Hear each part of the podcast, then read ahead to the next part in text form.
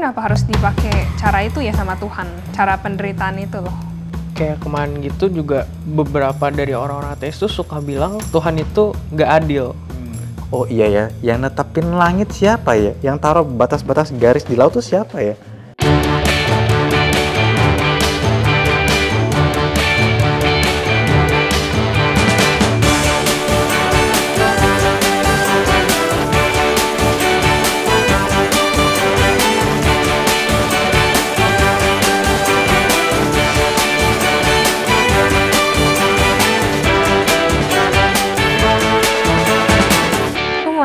Nih kok, penasaran kayak selama sepanjang peradaban manusia tuh kita nggak luput dari penderitaan kan? Iya. Selalu aja deh ada yang ya menderita terus gitu. Nah, karena aku penasaran kenapa sih penderitaan itu ada? Kita ngomongin eh, permulaan penderitaan tuh kenapa sih bisa ada gitu.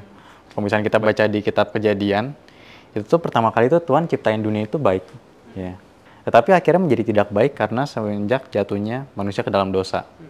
Jadi semenjak manusia jatuh dalam dosa, itu sebetulnya ada satu cosmic relation yang pecah. Manusia tuh pecah relasi sama Tuhan, sama Allah. Setelah itu manusia pecah relasi sama manusia yang lainnya, sama sesama. Manusia pecah relasi sama dirinya sendiri. Manusia juga pecah relasinya sama alam. Maka akan banyak terjadi penderitaan setelah manusia jatuh dalam dosa ini. Karena ada fakta manusia jatuh dalam dosa. Oh, I see. Jadi semua konflik-konflik itu tuh kebanyakan eh malah pasti ya terjadi gara-gara adanya dosa itu ya. Iya, iya benar. Kalau adanya kalau kayak gitu tuh kenapa Tuhan izinin ya kalau dipikir-pikir? Kamu pernah mikir gitu nggak sih Josh? Iya, aku sih kepikiran kayak kenapa Tuhan eh, ngizinin kalau orang manusia tuh bisa berdosa. I see. Itu kan kayak oh gitu iya dia ya. kan udah jadi ngancurin relasi dia sama Tuhan juga sekali. Eh, iya gitu. Kenapa Tuhan ciptain manusia yang dia bisa punya kemampuan untuk jatuh ke dalam dosa? Iya. Kenapa Tuhan nggak langsung ciptain aja manusia yang taat gitu kan Iya. ya? Nggak perlu punya pilihan buat berdosa gitu. Kan kalau gitu masalah solve ya, clear ya. Nggak perlu ada dosa, nggak perlu ada penderitaan lagi, ya kan ya? Nah cuma ini permasalahannya adalah Tuhan tuh mau yang namanya ada ketaatan yang sejati sama cinta yang sejati. Nah itu bisa didapetin dengan apa? Kalau ada pilihan, ya. Kalau manusia itu bisa punya pilihan, bisa memilih untuk tidak taat dan juga taat, maka ketika dia memilih taat, nah ini yang lebih sejati. Misalkan contoh ya, misalkan Jos nih, misalkan Jos lagi deketin satu cewek, terus eh, setelah cewek dideketin, cewek itu nanya, kenapa Jos, kok eh, kamu deketin aku? Iya soalnya di luasnya pulau ini cuma ada kamu satu cewek di dalam satu pulau ini yang bisa aku temuin. itu akan berbeda dibandingkan kualitasnya dengan kayak gini. Kenapa Kak Jos kok kamu, kamu milih aku sih? Ya soalnya di antara ratusan cewek yang aku temuin yang lainnya yang bisa aku kenal, yang paling cantik dan paling nyaman tuh sama kamu gitu. Itu kan masih kualitasnya beda kan ya? Iya. Oh ini cintanya beda nih. Yang satu kan yang nggak ada pilihan, nih, makanya Iya, pilih iya. lu. Terus satu, satu, satu, satu lagi tuh, karena di antara yang lain gue pilih elu, karena lu yang lebih- Spesial gitu, Iya, iya. spesial. Itu kan pasti lebih kelihatan, oh ini kualitas cintanya tuh beda gitu. Ini yang lebih sejati. Jadi Tuhan tuh nggak ciptain manusia yang kayak robot gitu. Robot diciptain di program bahwa dia selalu akan taat. Kalau misalkan dia selalu taat, maka dia nggak ada pilihan. Lalu Tuhan ketika bilang kepada misalkan manusia, manusia yang kuciptakan dengan seperti robot, kamu taat ya sama aku ya. Kalau misalkan aku suruh kamu pindahin tanaman ini, kamu pindahin ya. Lalu dia, iya Tuhan, aku pindahin. Lalu Tuhan langsung, wah dia taat banget ya. Kan aneh ya. Loh memang dia cuma diprogram untuk itu. Maka nggak ada spesialnya gitu. Tapi karena dia punya pilihan, maka itu jadi spesial. Maka itu jadi lebih sejati. Hmm, kalau dari apa sih te- eh, bukunya Calvin yang Institute itu kan manusia tuh bisa mengenal diri kalau dia mengenal Tuhan. Nah, pengertian pengenalan dia akan Tuhan itu juga pasti juga bukan semata-mata dari diri dia sendiri dong kok. Kayak itu juga pasti campur tangan Tuhan agar manusia bisa mengerti siapa penciptanya gitu. Nah, kalau kayak gitu eh, berarti Tuhan Tuhan juga dong yang maksudnya gimana ya ke manusia memang diberi free will tapi free will tersebut juga di bawah kedaulatan Tuhan gitu Tuhan Eh. yang memberikan anugerah manusia untuk paham gitu loh maksudnya Ya, satu sisi Tuhan memberikan free will kepada manusia, Tuhan memberikan kehendak bebas supaya manusia bisa mau mengenal Dia. Dan di dalam setiap diri manusia itu ada namanya sensus divinitatis. Ini menurut Calvin ya. Itu tuh apa? Itu namanya benih agama. Jadi setiap manusia itu pasti punya keinginan untuk mengenal Allah atau dia mau menyembah pada satu hal gitu. Dan itu pun memang dari Allah gitu. Dan itu semua orang punya. Semua orang ya, bukan cuma orang Kristen. Semua orang tuh punya. Dan itu juga yang tertulis dalam kitab Roma karena ada orang-orang yang menindas kebenaran tersebut, maka ada orang-orang yang rebel gitu. Akhirnya menolak Tuhan dan bahkan menganggap Tuhan tuh nggak ada dalam kitab Roma. Mana aku mau tanya satu kok balik lagi ke soal penderitaan tadi ya. Aku sempat nonton kesaksian gitu dari seorang ateis. Dia bilang e, intinya jadi kalau Tuhan itu baik atau Tuhan itu berkuasa, maka ia akan mencegah atau meniadakan penderitaan itu. Hmm, Tapi faktanya penderitaan itu ada gitu loh. iya, iya, iya. Ini classical problem of evil. Mm-mm. Jadi kalau misalkan Tuhan itu baik, maka dia nggak mau ada kejahatan dong. Mm-mm. Berarti dia bisa mencegah kejahatan, dia mau mencegah kejahatan. Iya. Iya. Lalu di satu sisi kalau misalkan Tuhan juga berkuasa, maka dia akan sanggup mencegah penderitaan tersebut. Iya. Tapi faktanya di dalam dunia ini kita ngeliat penderitaan itu ada, ya kan ya? Penderitaan itu ada. Lalu gimana? Berarti Tuhan tuh nggak ada dong. Nah ini ada satu hal yang sangat baik yang menurut C.S. Lewis bilang ya. C.S. Lewis bilang sebelum kita bilang Tuhan itu nggak adil misalkan, atau Tuhan itu kenapa ciptain dunia ini yang ada penderitaannya, itu kita mesti mikir dulu dari mana konsep adil dan nggak adilnya Oh, dari diri kita sendiri sih biasanya ya. dari diri kita sendiri. Iya. Kalau misalkan itu dari diri kita sendiri, itu gimana kok bisa dari diri kita sendiri menganggap apa yang terjadi ini penderitaan ini nggak adil, harusnya penderitaan ini nggak ada. Berarti aku mengcompare ini dengan satu dunia yang lain yang seharusnya nggak ada penderitaan, Hmm. ya kan ya? Nah konsep ini datangnya dari mana? Hmm. kalau ada sense justice dan tidak justice, just and unjust gitu, itu pasti datangnya dari Tuhan. Karena manusia memang yang tadi yang dibilang, dia punya sense divinitatis itu ya. Berarti manusia ini dalam hatinya memiliki pemahaman mengenai apa yang seharusnya terjadi dan apa yang seharusnya tidak terjadi. Sebenarnya lebih konsisten kalau misalkan Alvin Plantinga gini- bilang gini, kalau kita mau bilang nggak ada Tuhan, itu misalkan kita ambil worldview alternatifnya ya, worldview dari sekuler. Misalkan evolusi. Eh, semuanya terjadi karena evolusi aja, nggak ada Tuhan. Semua terjadi adalah rangkaian sebab dan akibat.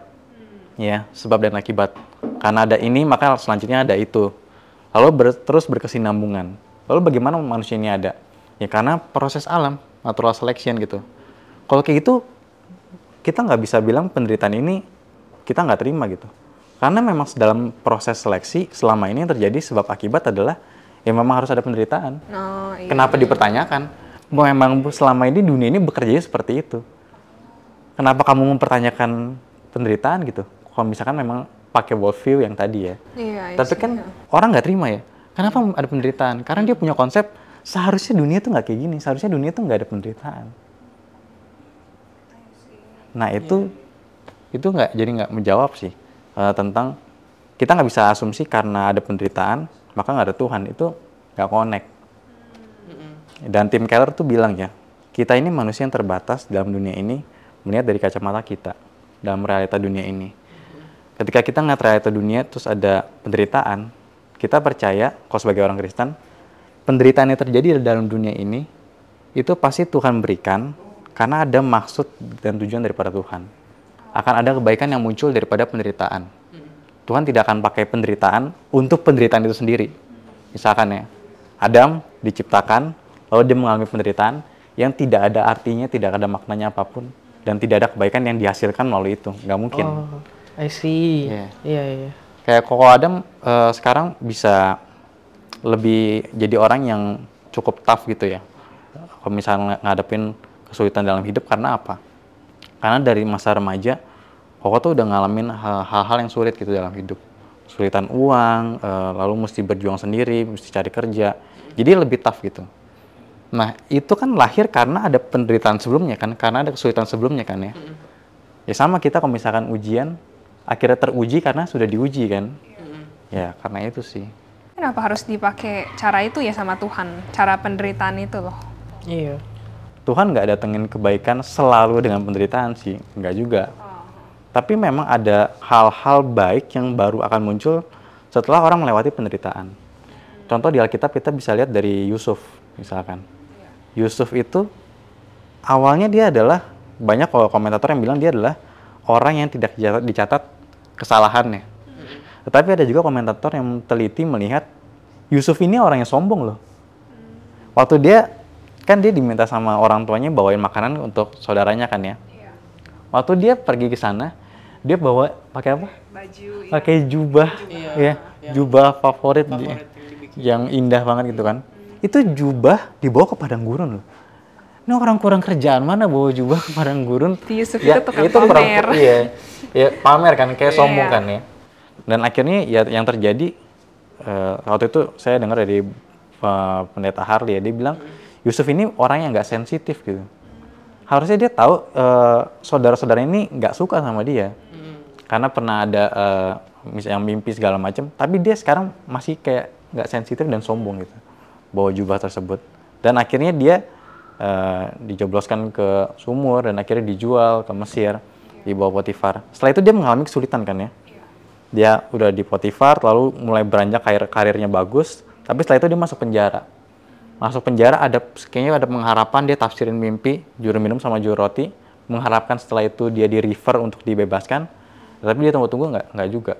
Sampai baru akhirnya dia mengabul, eh, menafsirkan mimpinya Firaun. Nah, dari proses panjang itu ya, barulah lahir seorang Yusuf yang jadi perdana menteri yang bisa peka melihat kesulitan, melihat bagaimana mesti memutuskan satu hal, dan dia berubah dari orang yang sombong dan akhirnya dia menjadi orang yang bisa bertanggung jawab dan bahkan memimpin satu bangsa. Jadi sekali lagi baik lagi ada memang hal-hal baik yang mau nggak mau mesti lewatin penderitaan. Emas itu jadi murni setelah dilebur, dah, ya kan ya istilah gampangnya. Cuma iya sih balik lagi kalau misalnya banyak orang yang nggak bisa ngelihat penderitaan dalam perspektif tersebut dan akhirnya jadinya menyalahkan Tuhan gitu. Mungkin secara logika itu oke lah ya bisa diterima, cuman kayak kadang-kadang orang tuh nggak bisa nerima secara emosi gitu loh, karena dia merasa oh hidup gue menderita banget, susah banget, Tuhan nggak Iya, adil dong kayak mungkin gitu. kayak kemarin gitu juga beberapa dari orang-orang ateis tuh suka bilang kalau misalnya mereka merasa Tuhan itu nggak adil. Mungkin sedikit cerita, jadi dia tuh ngerasa kalau misalnya dia berasal dari keluarga yang emang broken home. Mamanya yang selalu bawa dia ke gereja terus doa apa religious gitu. Tapi di satu sisi papanya itu yang abusive terus ya kasar gitu. Tapi kenapa dia ngerasa tuh kenapa mamanya harus meninggal dikasih kanker sedangkan papanya yang jahat dan abusive itu enggak gitu. Jadi dia suka ngerasa oh ya Tuhan tuh nggak adil jadinya. problem emosi ya. Ya William Lane, Lane Craig ini salah satu apologetik terkenal juga. Dia bilang kebanyakan memang orang yang akhirnya menjadi ateis itu bukan pertama-tama filosofikalnya. Ada, ada. Ada karena unsur filosofikal yang tadi logikanya, premis-premisnya karena itu mereka akhirnya meninggalkan eh, percaya pada Tuhan. Tetapi kebanyakan awalnya karena emosional. Karena menghadapi realita ketidakadilan, menghadapi realita penderitaan, kenapa saya harus mengalami penderitaan seperti ini, kenapa nggak orang lain aja. Tapi ya faktanya memang eh, semua manusia sudah jatuh dalam dosa gitu. Maka kalau misalkan dikatakan nggak ada yang berhak dapat penderitaan, nggak juga. Tapi bukan itu jawabannya. Jawabannya menariknya ya, satu, bahwa kita percaya Tuhan itu akan mendatangkan kebaikan sekalipun itu penderitaan yang kita nggak bisa lihat maknanya sekarang. Kita nggak bisa lihat keadilannya sekarang. Kita nggak bisa lihat Tuhan maksudnya apa sih lewat penderitaan ini sekarang. Sama kayak Ayub gitu kan. Ayub sampai akhir itu nggak tahu kenapa dia menderita. Yang tahu siapa? Pembacanya. Pembacanya kan yang tahu kan ya. Tapi Ayub tuh nggak tahu. Walaupun Ayub nggak tahu kenapanya, tetapi dia diperhadapkan dengan Allah yang maha bijak. Oh iya ya, yang netapin langit siapa ya? Yang taruh batas-batas garis di laut itu siapa ya? Itu Allah ya. Itu Tuhan. Berarti dia sangat bijaksana. Pasti dia punya maksud dan tujuan tertentu yang sekarang saya nggak tahu. Tapi saya mau berserah. Nah itu yang jadi jawaban daripada Ayub. Jadi jawabannya adalah kita nggak harus sepenuhnya tahu segala sesuatunya kenapa penderitaan ini datang pada saya. Kalau kita percaya kita punya Allah yang bijak, kita tahu dia Allah yang maha baik, walaupun terjadi penderitaan, tapi dia nggak akan tinggalin kita. Dan faktanya lebih dalam lagi daripada itu, Tuhan itu sendiri turun ke dalam dunia yang menderita ini. Dia bukan Allah yang jauh di sana yang cuma ngeliatin, oh umatnya menderita, ya sudah nanti saya kasih kelepasan. Enggak, bahkan dia turun ke dalam dunia ini, dia pun sendiri menderita. Dan penderitaannya bukan acting gitu. Ketika di Taman Getsemani dia bukan bilang, Tuhan kalau boleh cawan ini lalu daripadaku dengan acting gitu. Enggak, dia betul-betul bergumul di sana. Karena memang penderitaan gitu ya.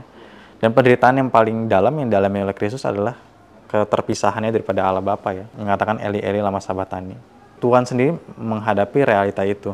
Dia menderita juga secara spiritual dengan Allah Bapa yang tadi terpisah dan menderita juga secara fisik tentunya. Dia dicambuk sampai mati di atas kayu salib.